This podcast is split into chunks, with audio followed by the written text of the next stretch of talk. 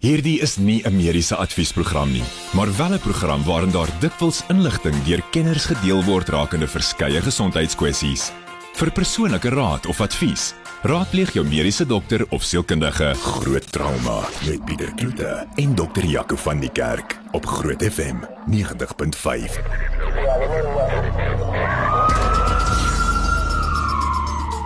Dis lekker om weer saam met die kerk op hierdie Woensdag gaan. Dis groot trauma en uh, natuurlik is ek Pieter Kloete en Jaco, dokter Jaco van die kerk wat hier saam is. Uh, praktyk na Montana en ook die direkteur van die trauma eenheid by Met 24. Jaco, is lekker om weer hier so te hê. Dankie Pieter, baie lekker om hier te wees na die uh wat dit verlede week was. Wat se wat se dag was dit? Die 27ste. Ja, dit was 'n klomp vakansiedag. Vakansiedag, ja. Ek En maandag mekaar in hierdie vakansiedag, maar is lekker om terug te wees.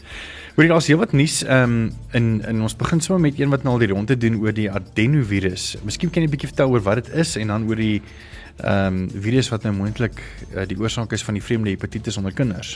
Ja, Pieter, ek dink ehm um, eers moet mense sê hepatitis is ons maar 'n inflammasie siekte of infeksie siekte of uh, van die van die lewer.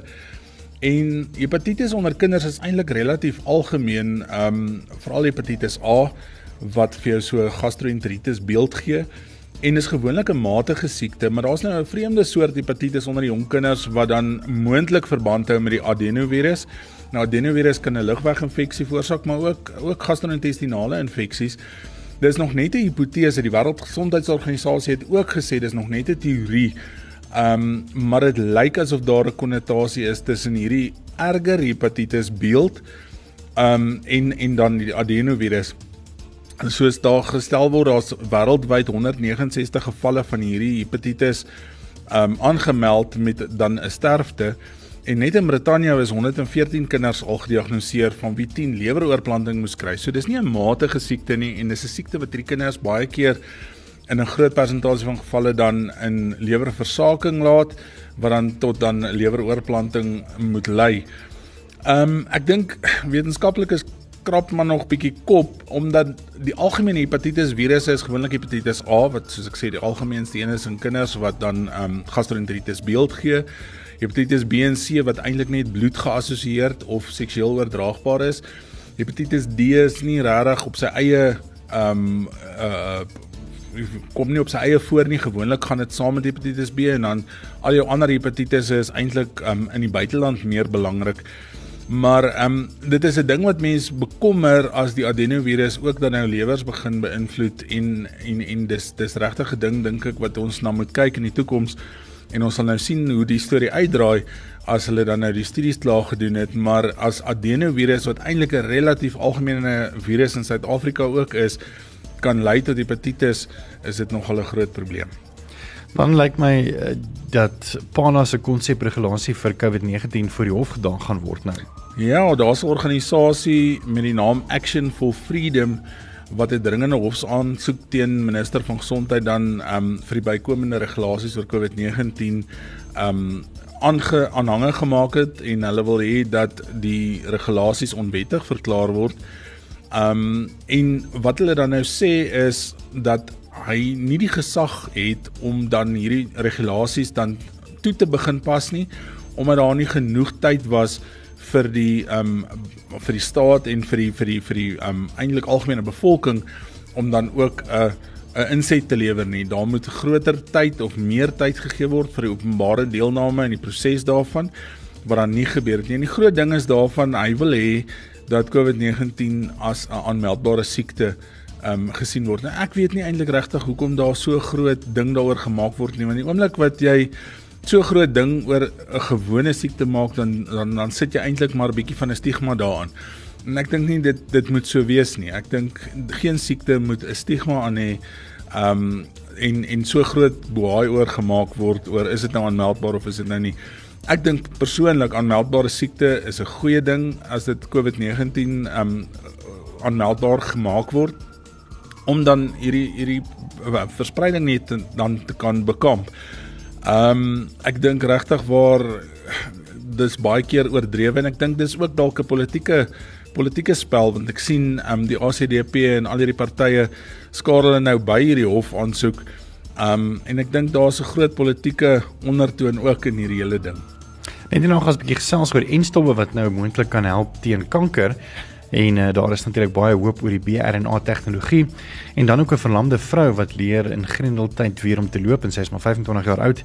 En uh, dan ook 'n studie wat dan toon depressie by tanderampe ehm um, is. En natuurlik is daar baie min hulp in Suid-Afrika. As ons 'n bietjie daarby stil staan. En dan 'n bietjie later in die program gaan ons bietjie gesels oor spinale besering. So bly gerus ingeskakel daarvoor. Groot trauma op Groot FM 90.5.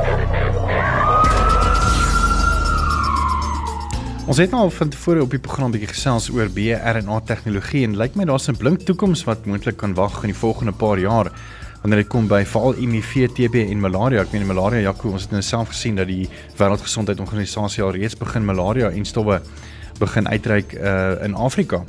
Ja, definitief. Ek dink boodskapper RNA tegnologie is die toekoms van medisyne en ek dink daar's 'n groot klomp siektes wat dalk selfs in die in die toekoms en miskien nie in ons leeftyd nie, maar in ons kinders se kinders se leeftyd, ehm um, gaan hulle dink kan die mens glo dat mense dood gegaan het aan TB en malaria en HIV mm in die jaar 2022, jy weet, um ek dink dit is 'n ding vir die toekoms. Ek dink daar's goeie navorsing wat tans daarop gedoen word. Um selfs kankertegnologie waar BRNA tegnologie of boodskapper RNA tegnologie gebruik kan word, um is definitief 'n blink toekoms wat wat vir medisyne voorlê en ek dink dis een van die gedeeltes van medisyne wat die vinnigste gaan ontwikkel in die volgende volgende paar dekades selfs. Um, ons het begin met met COVID-19 se se instof wat groot maat eintlik op BRNA tegnologie um, ge, gebaseer is en ek dink mense kan net van hier af bou maar daar is so baie um, positiewe en en en hoopvolle um, studies wat wat tans gedoen word en en wat ek dink in die toekoms gedoen gaan word om hierdie siektes wat eintlik tans een van die grootste oorsake van dood in die wêreld is, um as mens dink aan malaria, TB en HIV, um om dit heeltemal te kan bekamp en immunisasies daarteen te kry. Ek dink dit gaan regtig mm. waar ongelooflik wees en ek ek dink um dit sal hartseer wees dat ons nie in ons lewenstyd dit kan dalk beleef in in groot maat nie maar ek dink vir die toekoms is dit regtig 'n groot 'n groot positief. Ja, ek dink vir ons klink dit miskien ook nog soos 'n droom, jy weet amper soos daai eerste Star Trek movie wat uitgekom het wat mense gedink het ja, mense sou seker nooit in die in die hemelruim kon rondsweef nie. En ek dink wat vir my nogal opgewonde maak is die feit dat weet ons kinders se kinders moontlik weet met uh, eh, BRNA tegnologie. Ehm um, so die DNA kan kan verander dat 'n mens letterlik nie meer ehm, 'n um, geskiedenis kan hê van byvoorbeeld hartsiektes in die familie. Ja. Jy kan dit letterlik uitwis van daar af en dan vir jou voortgeslag. Jy weet, dit is my nogal baie opgewonde maak van hierdie tegnologie. Dis regtig. Ek dink dis die dis die deel van medisyne wat 'n groot groot verandering gaan maak in hoe ons medisyne ken. Um, ek dink oor nou sê 50 of 100 jaar van nou af gaan gaan ons nie medisyne herken nie. Hmm. En dan uh, so op 'n goeie noot en ons gaan 'n bietjie later ook gesels oor ehm um, met 'n paar dokters van Eugene Maree se Rehab Hospitaal oor 'n 23-jarige wat nou vir die eerste keer geloop het. Ja, dis Britney McCormick. Um sy het op 23 jarige ouderdom as 'n Bolandse vrou vir die eerste keer leer loop. Sy is op in as mens nou na geskiedenis kyk op 25 weke swangerskap gebore, het minder as 'n kilogram geweg en die dokters gewonder of sy haar 18de jaar verjaarsdag sou um beleef. Um en sy is deur haar fisioterapeut en um en en en rehabilitasie dokter uitgedaag om te leer loop terwyl dit in die Grendeltyd um almal in hulle huise vasgekluister was. En sy het begin op 'n uh, op 'n trapmeel om om te begin leer loop op 23 en ek dink mense mense kan dit eintlik amper nie indink nie maar haar droom is om 100 km te stap om geld in te samel vir rolstoele vir dan minder bevoorregtes en en sy sê ook sy sy het begin ervaar hoe moeilik dit is haar rolstoel het gebreek en sy moes 'n paar weke oor die weg kom sonder 'n rolstoel en hoe moeilik dit is om regtig sonder 'n rolstoel um oor die weg te kom. Nou sy sê um sy het al so R34673 rand ingesamel vir rolstoele um vir die Parel skool um vir mense met gestremthede daar in Brackenfell um met Backer Buddy wat sy wat sy ook al begin loop het. Um maar 'n rolstoel wat wat hulle dan nou 'n borg kos so omtrent 8.500 rand elk. So sy beoog om nog tot R75000 in te samel daarvoor. En ek dink dis regtig waar 'n motiverende storie is, 'n goeie nuus storie in in in een kant dat sy die genot ervaar om te kan loop en dat um, sy ook dan die hart het om ander mense en minderbevoorregtes te help wat ook dan in in die situasie sit wat rolstoele nodig het. Ehm um, ek het vandag so 'n bietjie gesels oor mediese fondse en ek dink dit is miskien ook 'n onderwerp vir 'n vir een aand. En ehm um, ek dink wat wat baie van die mediese fondse ook nou toelaat is die of hulle moet mos die ehm um, ehm uh, die minimum uh, prescribed minimum benefits, benefits PMB ja. ja. En ek dink een daarvan is natuurlik ehm um, sielkundige hulp en ek dink mense sien dit nou baie meer dat uh, depressie en die meer by mense baie meer gediagnoseer word. Juis omdat uh, as mens kyk na COVID wat gebeur het die traumatiese effek daarvan natuurlik die rampe soos KwaZulu-Natal en die meer en um, ek wil eintlik maar ons ekonomie ook maar klassifiseer daaroor.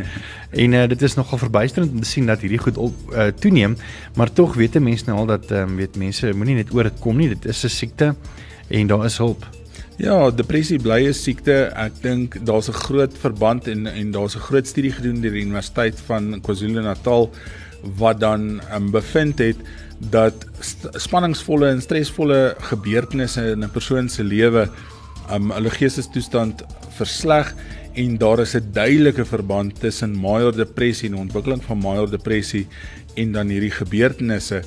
En dis natuurlike rampe, mensgemaakte rampe en dan in die aard van die saak ons on, die studie is nou um, voltooi in 2017, so dis eintlik voor Covid. Dit sou interessant gewees het om die getalle te sien en die en die en die koerse van depressie na Covid met al die ekonomiese en werksverlies, ekonomiese druk, um en dan ook naby geleë of naby mense of geliefdes wat oorlede is wat dan nou um basies 'n stres of 'n stresor in hierdie persone se lewe is wat dan die depressie die depressie um veroorsaak. Maar ek dink depressie bly een van die groot siektes van die tyd en ek dink dit moet 'n 'n basiese minimum voordeel wees vir enige iemand om toegang te hê tot die behandeling van depressie want ek dink dis een van die groot goed wat 'n mens se funksionering beïnvloed, mense werksfunksionering sleg beïnvloed, interpersoonlike verhoudings beïnvloed en eintlik jou hele lewe vir jou so half nutteloos laat voel. So daar is hulp. Net hier nog gesels 'n bietjie oor spinale besering, so bly gerus ingeskakel daarvoor. Onthou vra vir Jaco aan die einde van die program as jy enige vrae het, enigiets, hoef nie tot ons onderwerp beperk te wees nie, kan jy jou vraag stuur na ons WhatsApp nommer 061 610 4576. Onthou staan daar tariewe geld. Groot trauma met Pieter Kloete en dokter Jaco van die Kerk op Groot FM 90.5.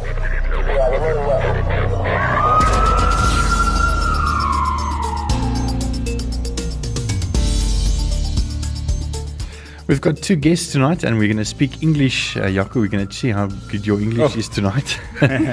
um, because both our, our guests is English, although they live in, well, they, they work in Moot, so I'm sure there's a few Afrikaans words that they know already, but it's Dr. Samantha Dupree. She's a physical rehabilitation doctor, and also Dr. Duncan Chula, who is a neurosurgeon at Life Eugene Marais, and then uh, Samantha also works in the rehab unit. Um, so let's start with you, Samantha. I mean, why did you want to become a rehab uh, doctor. I mean, you don't grow up as a little kid saying, "Oh, well, I want to be a, a rehab doctor." Well, honestly, that is the truth, especially because in South Africa it's quite a new field as opposed to overseas where physical rehabilitation and medicine is a specialization field for many, many years now. So I got interested in rehab after being a medical doctor for 10 years. Hmm. And my decision to go into the field was I, I don't just want to cure diseases, I want to change lives. And I want to give back to the community, and I want to see how a patient with the most worst diagnosis can reintegrate into their community, going back to a full, full life. Well, that's awesome. Dr. Chula, neuroscience. gee, that's that sounds very complicated. How did you get into to neuroscience and also being doctor? Yeah, um, let's let's look at it as as the general public will say. So, general public will call us brain surgeons. Mm-hmm. Right.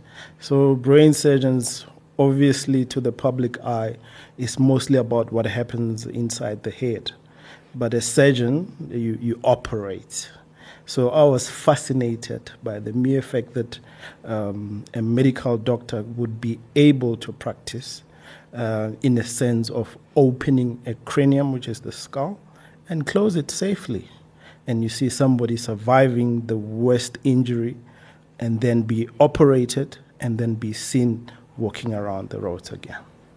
That must be very incredible. I mean, you know, just the, the tools that you need to use to open um, the skull. I mean, I've been, uh, I wouldn't say lucky enough, but you know, I had the I had the opportunity to to be present at an autopsy when they also had to open up the skull, and it's it you know it, I can just imagine someone lying there that's alive, you know, and you have to do that. But I mean, with technology, has it made it a bit easier than than your colleagues in previous Yeah. generations? yeah, yeah, yeah, yeah.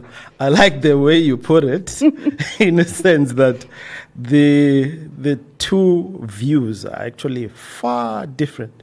Um, if you look at autopsy, uh, it's an after the fact. So somebody has passed, You're literally investigating what happened.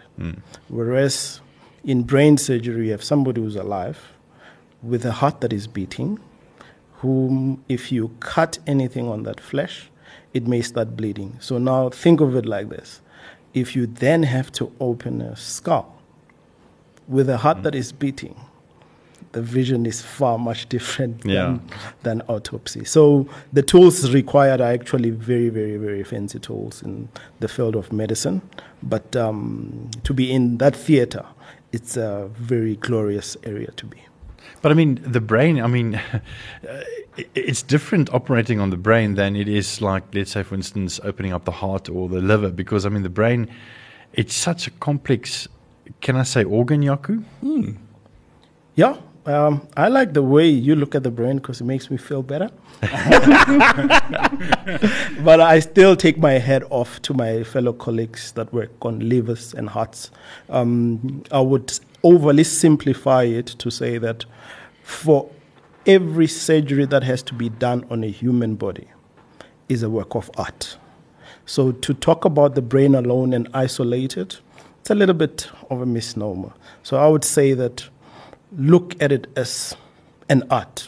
We can simply put an orchestra mm. and you see how all the instruments come together to make a wonderful melody. You're talking about coming together, and I'm going to ask Jaco now uh, a couple of questions um, afterwards.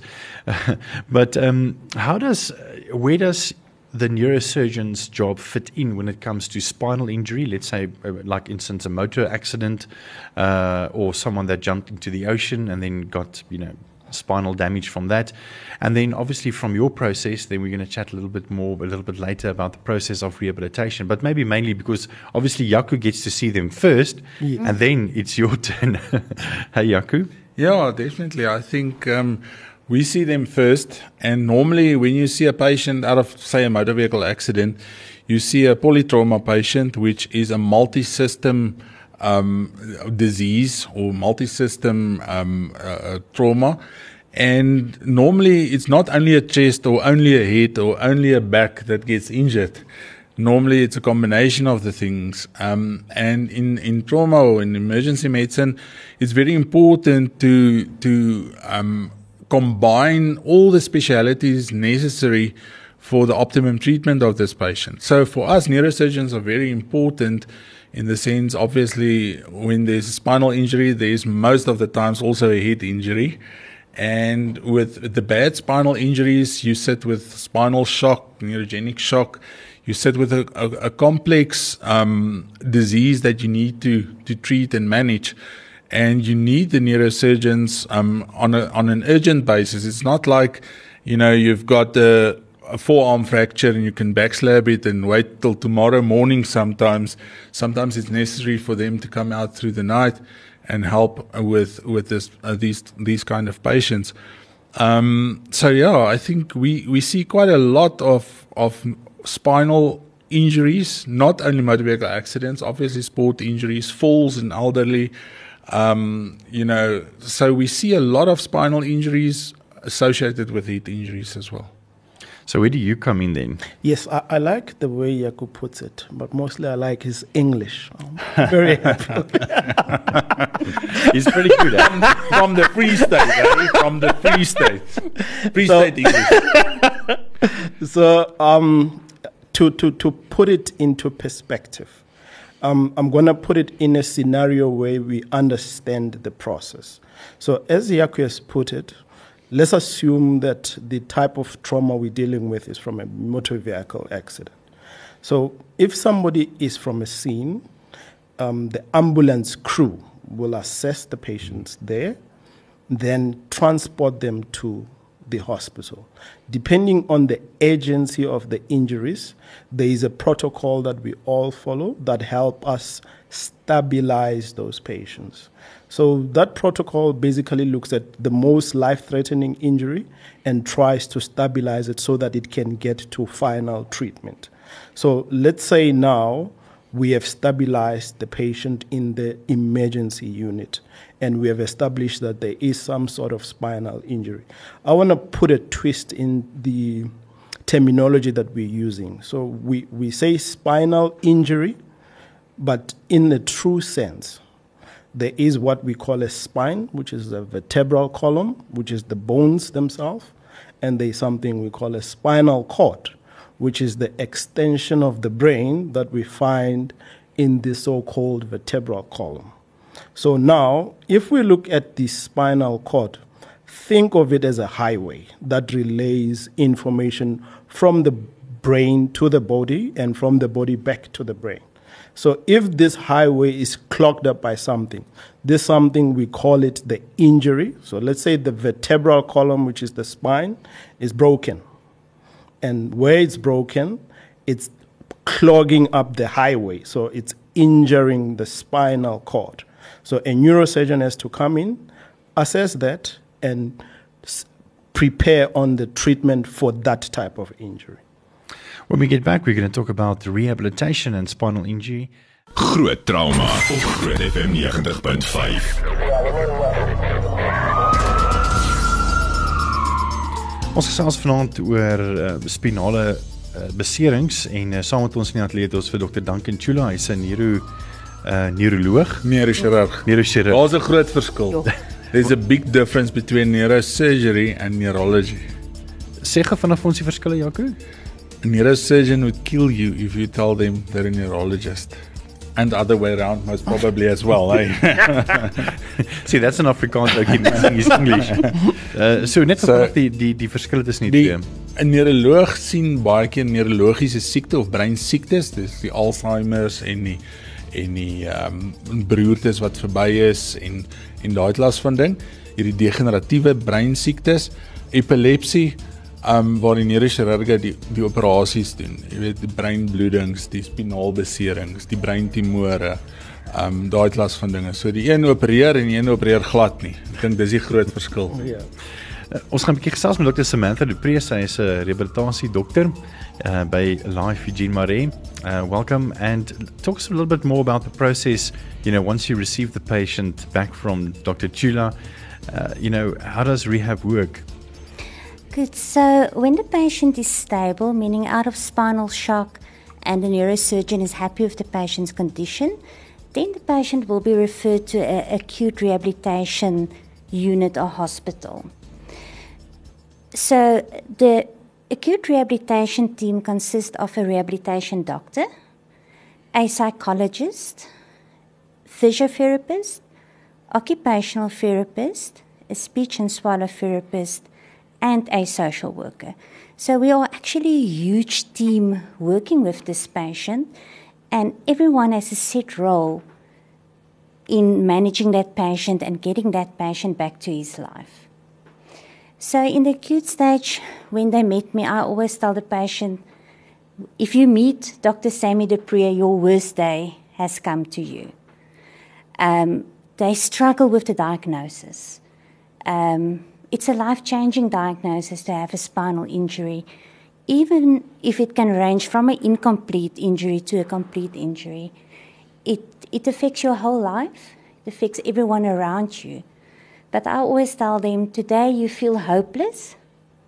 In a few months' time, after the rehabilitation process, you will see what I mean if I tell you today you're going to go back to a full life. So, um, the physiotherapist is obviously part to mobilize the patient to get him with the occupational therapist, get him independent, depending on how uh, the condition is, either mobile again, maybe with a like crutches or wheelchair independent. Um, mobility is in the beginning the patient's main concern. I can't walk. But later on, they realize there's much more to a spinal injury. There's bowel and bladder fallouts, sexual dysfunction, fertility issues, emotional issues, going back to work, can I be employed again? So it's a quite a complex system. Um, and we have to work on all those areas. And not only just supporting the patient, but also the whole family. We also get the employer involved, and most of our patients are able to go back to a full time employment with some adaptations, um, but most do really well. En ek dink eh, ja, ons het ook nog 'n paar keer op die program gepraat oor die belangrikheid van 'n 'n multidissiplinêre span en ek dink ehm um, hier sien ons dit alweer. Ja, ek dink mense kan nie sonder 'n multidissiplinêre span oor die weg kom in enige gedeelte van medisyne nie, maar veral in spinalbeserings en en en die rehabilitasie daarna. Ehm um, ek dink jy weet jy kan die beste rehabilitasie as daai persoon se kop nie reg is byvoorbeeld nie, dan gaan jy nie 'n sukses aan die einde van die dag bereik nie. So ek dink elke gedeelte van hierdie multidissiplinêre span is 100% belangrik en sonder is is net een van daai trappies uitge, uitgelaat word dan ehm um, gaan 'n mens 'n negatiewe uitkoms hê.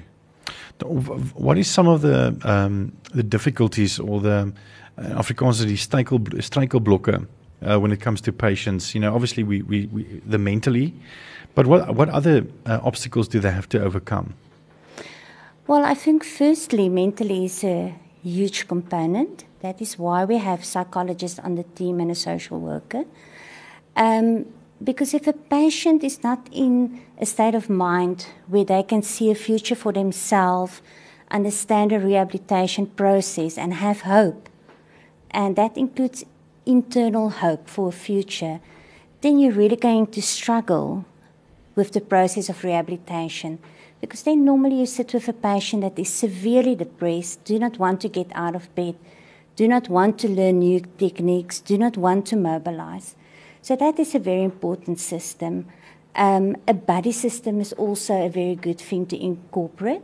That, a, that there's someone in the rehabilitation process, normally another spinal patient.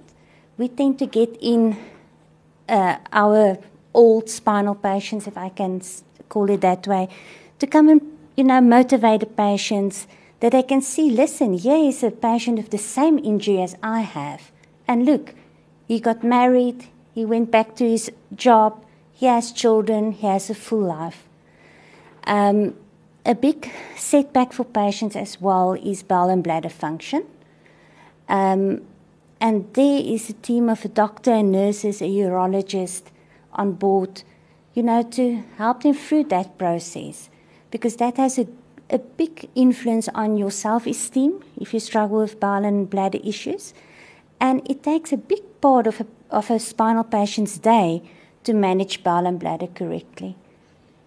Net nou gaan ons 'n bietjie kyk na van daai vrae wat jy gekom het en een van hulle is natuurlik gaan oor ehm um, uh spinale beserings en die meer. En ons gaan 'n bietjie hoor wat sê ons kenners daaroor en ons gesels met dokter Samantha Dupree sy's 'n rehabilitasie dokter en ook dokter Duncan Chula wat 'n neurochirurg is en uh, ons gaan net hier nou 'n bietjie lekker verder gesels en, en vra vir Jaco. So as jy nog so vinnige vrae wil in inwerk, is jy meer as welkom 061 6104576 onthou standaard tariewe geld. Met die volgende program bo Groot FM 90.5 om jou as luisteraar met die nodige inligting oor 'n spesifieke onderwerp te voorsien. Alhoewel hierdie inligting dikwels deur 'n kenner op die gebied gedeel word, word jy aangemoedig om jou mediese dokter of sielkundige te besoek vir persoonlike advies of raad. Groot trauma met Pieter Kloete en dokter Jaco van die Kerk op Groot FM 90.5. Yeah, it's seldom that we have a neurosurgeon to quiz in studio. So um, I'm going to start off by two questions. Number one, a lot of people think or ask why do they operate me even though I'm totally paralyzed? You know, I've got this fracture of the spine somewhere, and I've got the total neurological fallout, but they still operate me. That's the first question. The second one is um, a lot of people, like we we've spoken now um, off air, um, wonder what is the what is the future. Um, is there research in, in spinal regeneration and, and, and all those type of things, um, or is there no hope for the future? All right. So let, us start with um, question number one. But before I answer the question, I just want to thank Jaco for clarifying what the difference between a neurosurgeon and a neurologist. All right. But back to the question. Um, with regards to um, issues related to the specific diagnosis of the injury, so Jaco was literally alluding to um, if somebody has lost function, and we loosely use the term that a complete injury. So when we say a complete injury, it means that the spinal cord is injured, and below the area of the injury, there is no function. So this is just putting it loosely without going into detail of medical terms. So now, if you look at that, I clarified earlier that there is the vertebral column and there is the spinal cord. So when we assess the injuries, we look at both the vertebral column and the spinal cord. In most cases, the ones that end up with surgery, there is things that we look at to say the spine um, requires surgery. So in the medical world, we, we would then put it um, as um, whether there is indications for surgery in a particular patient. So we don't then look at 100 patients and then we put an umbrella term and say all these patients need surgery. Mm. So we say we individualize, mm. um, we examine, we do some radiological assessment comprising from as simple as x-ray going to CT scans and also MRI. With the collective data collected from the patient, then we make a decision that this one qualifies, if we look at the indications for surgery, that this one qualifies for surgery.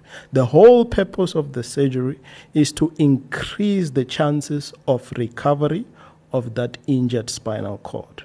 So, for example, if you have an injured spinal cord that is compressed by one of the bones of the vertebra, if you don't intervene on it and you send it to rehabilitation, that injury is not resolved. So there is no rehabilitation that is going to assist on that uh, injury because we haven't maximized the chances of recovery for that particular patient. So that's the answer for question one. And then for number two, if you look at advances in medicine, the challenge with medicine and research is that from ethics point of view, it's very difficult to can get a go ahead to do research on human beings.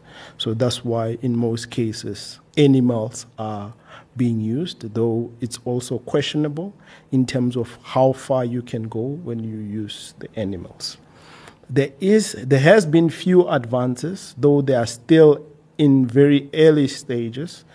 Notably, you can think about stem cell transplant and uh, spinal cord stimulators.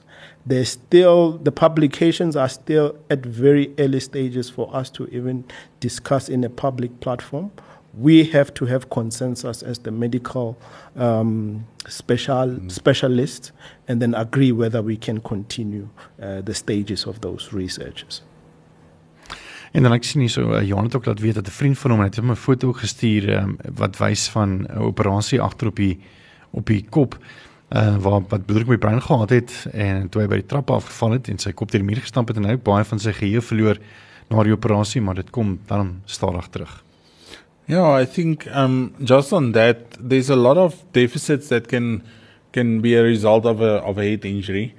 Um, obviously, memory, um, uh, emotional disturbances. A lot of that can be resolved over time, or am I not correct? Uh, okay. On average, I, I mean, there's Yeah. now obviously individual issues as well, but Okay. I love um, brain surgery. I love trauma in brain surgery. So that question is, is, a walk in the park for me. Uh, I, I would put it in this way. As for spinal injuries, head injuries can also be assessed. So when you assess these head injuries, you can then tell us whether the head injury is minor, mild, moderate, or severe.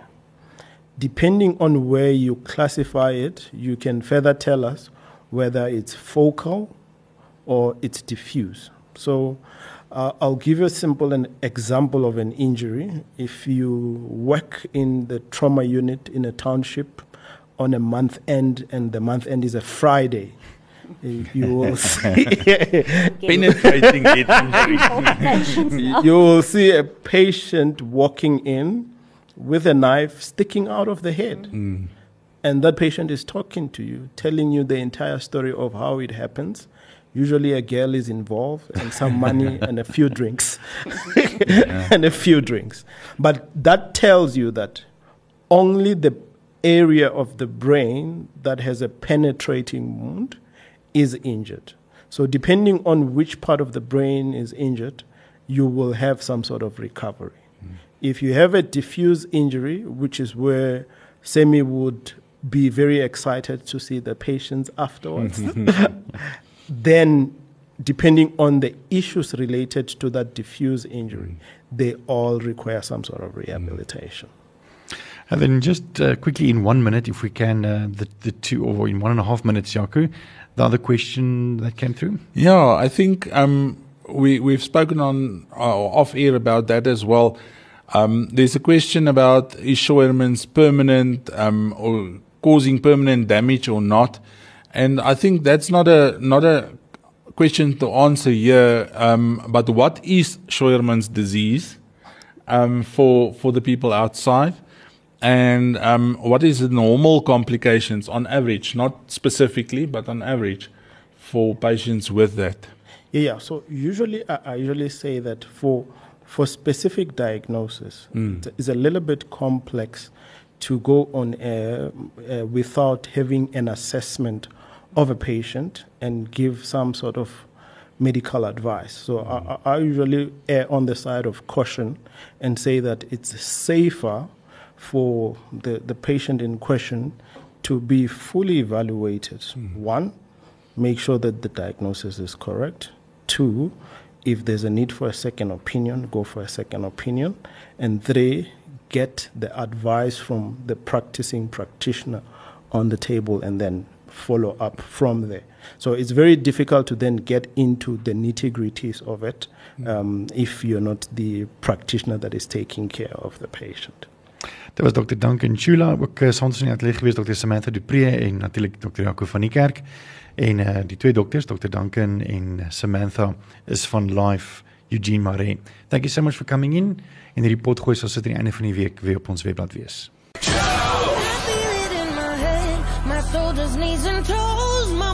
Glen FM 90.5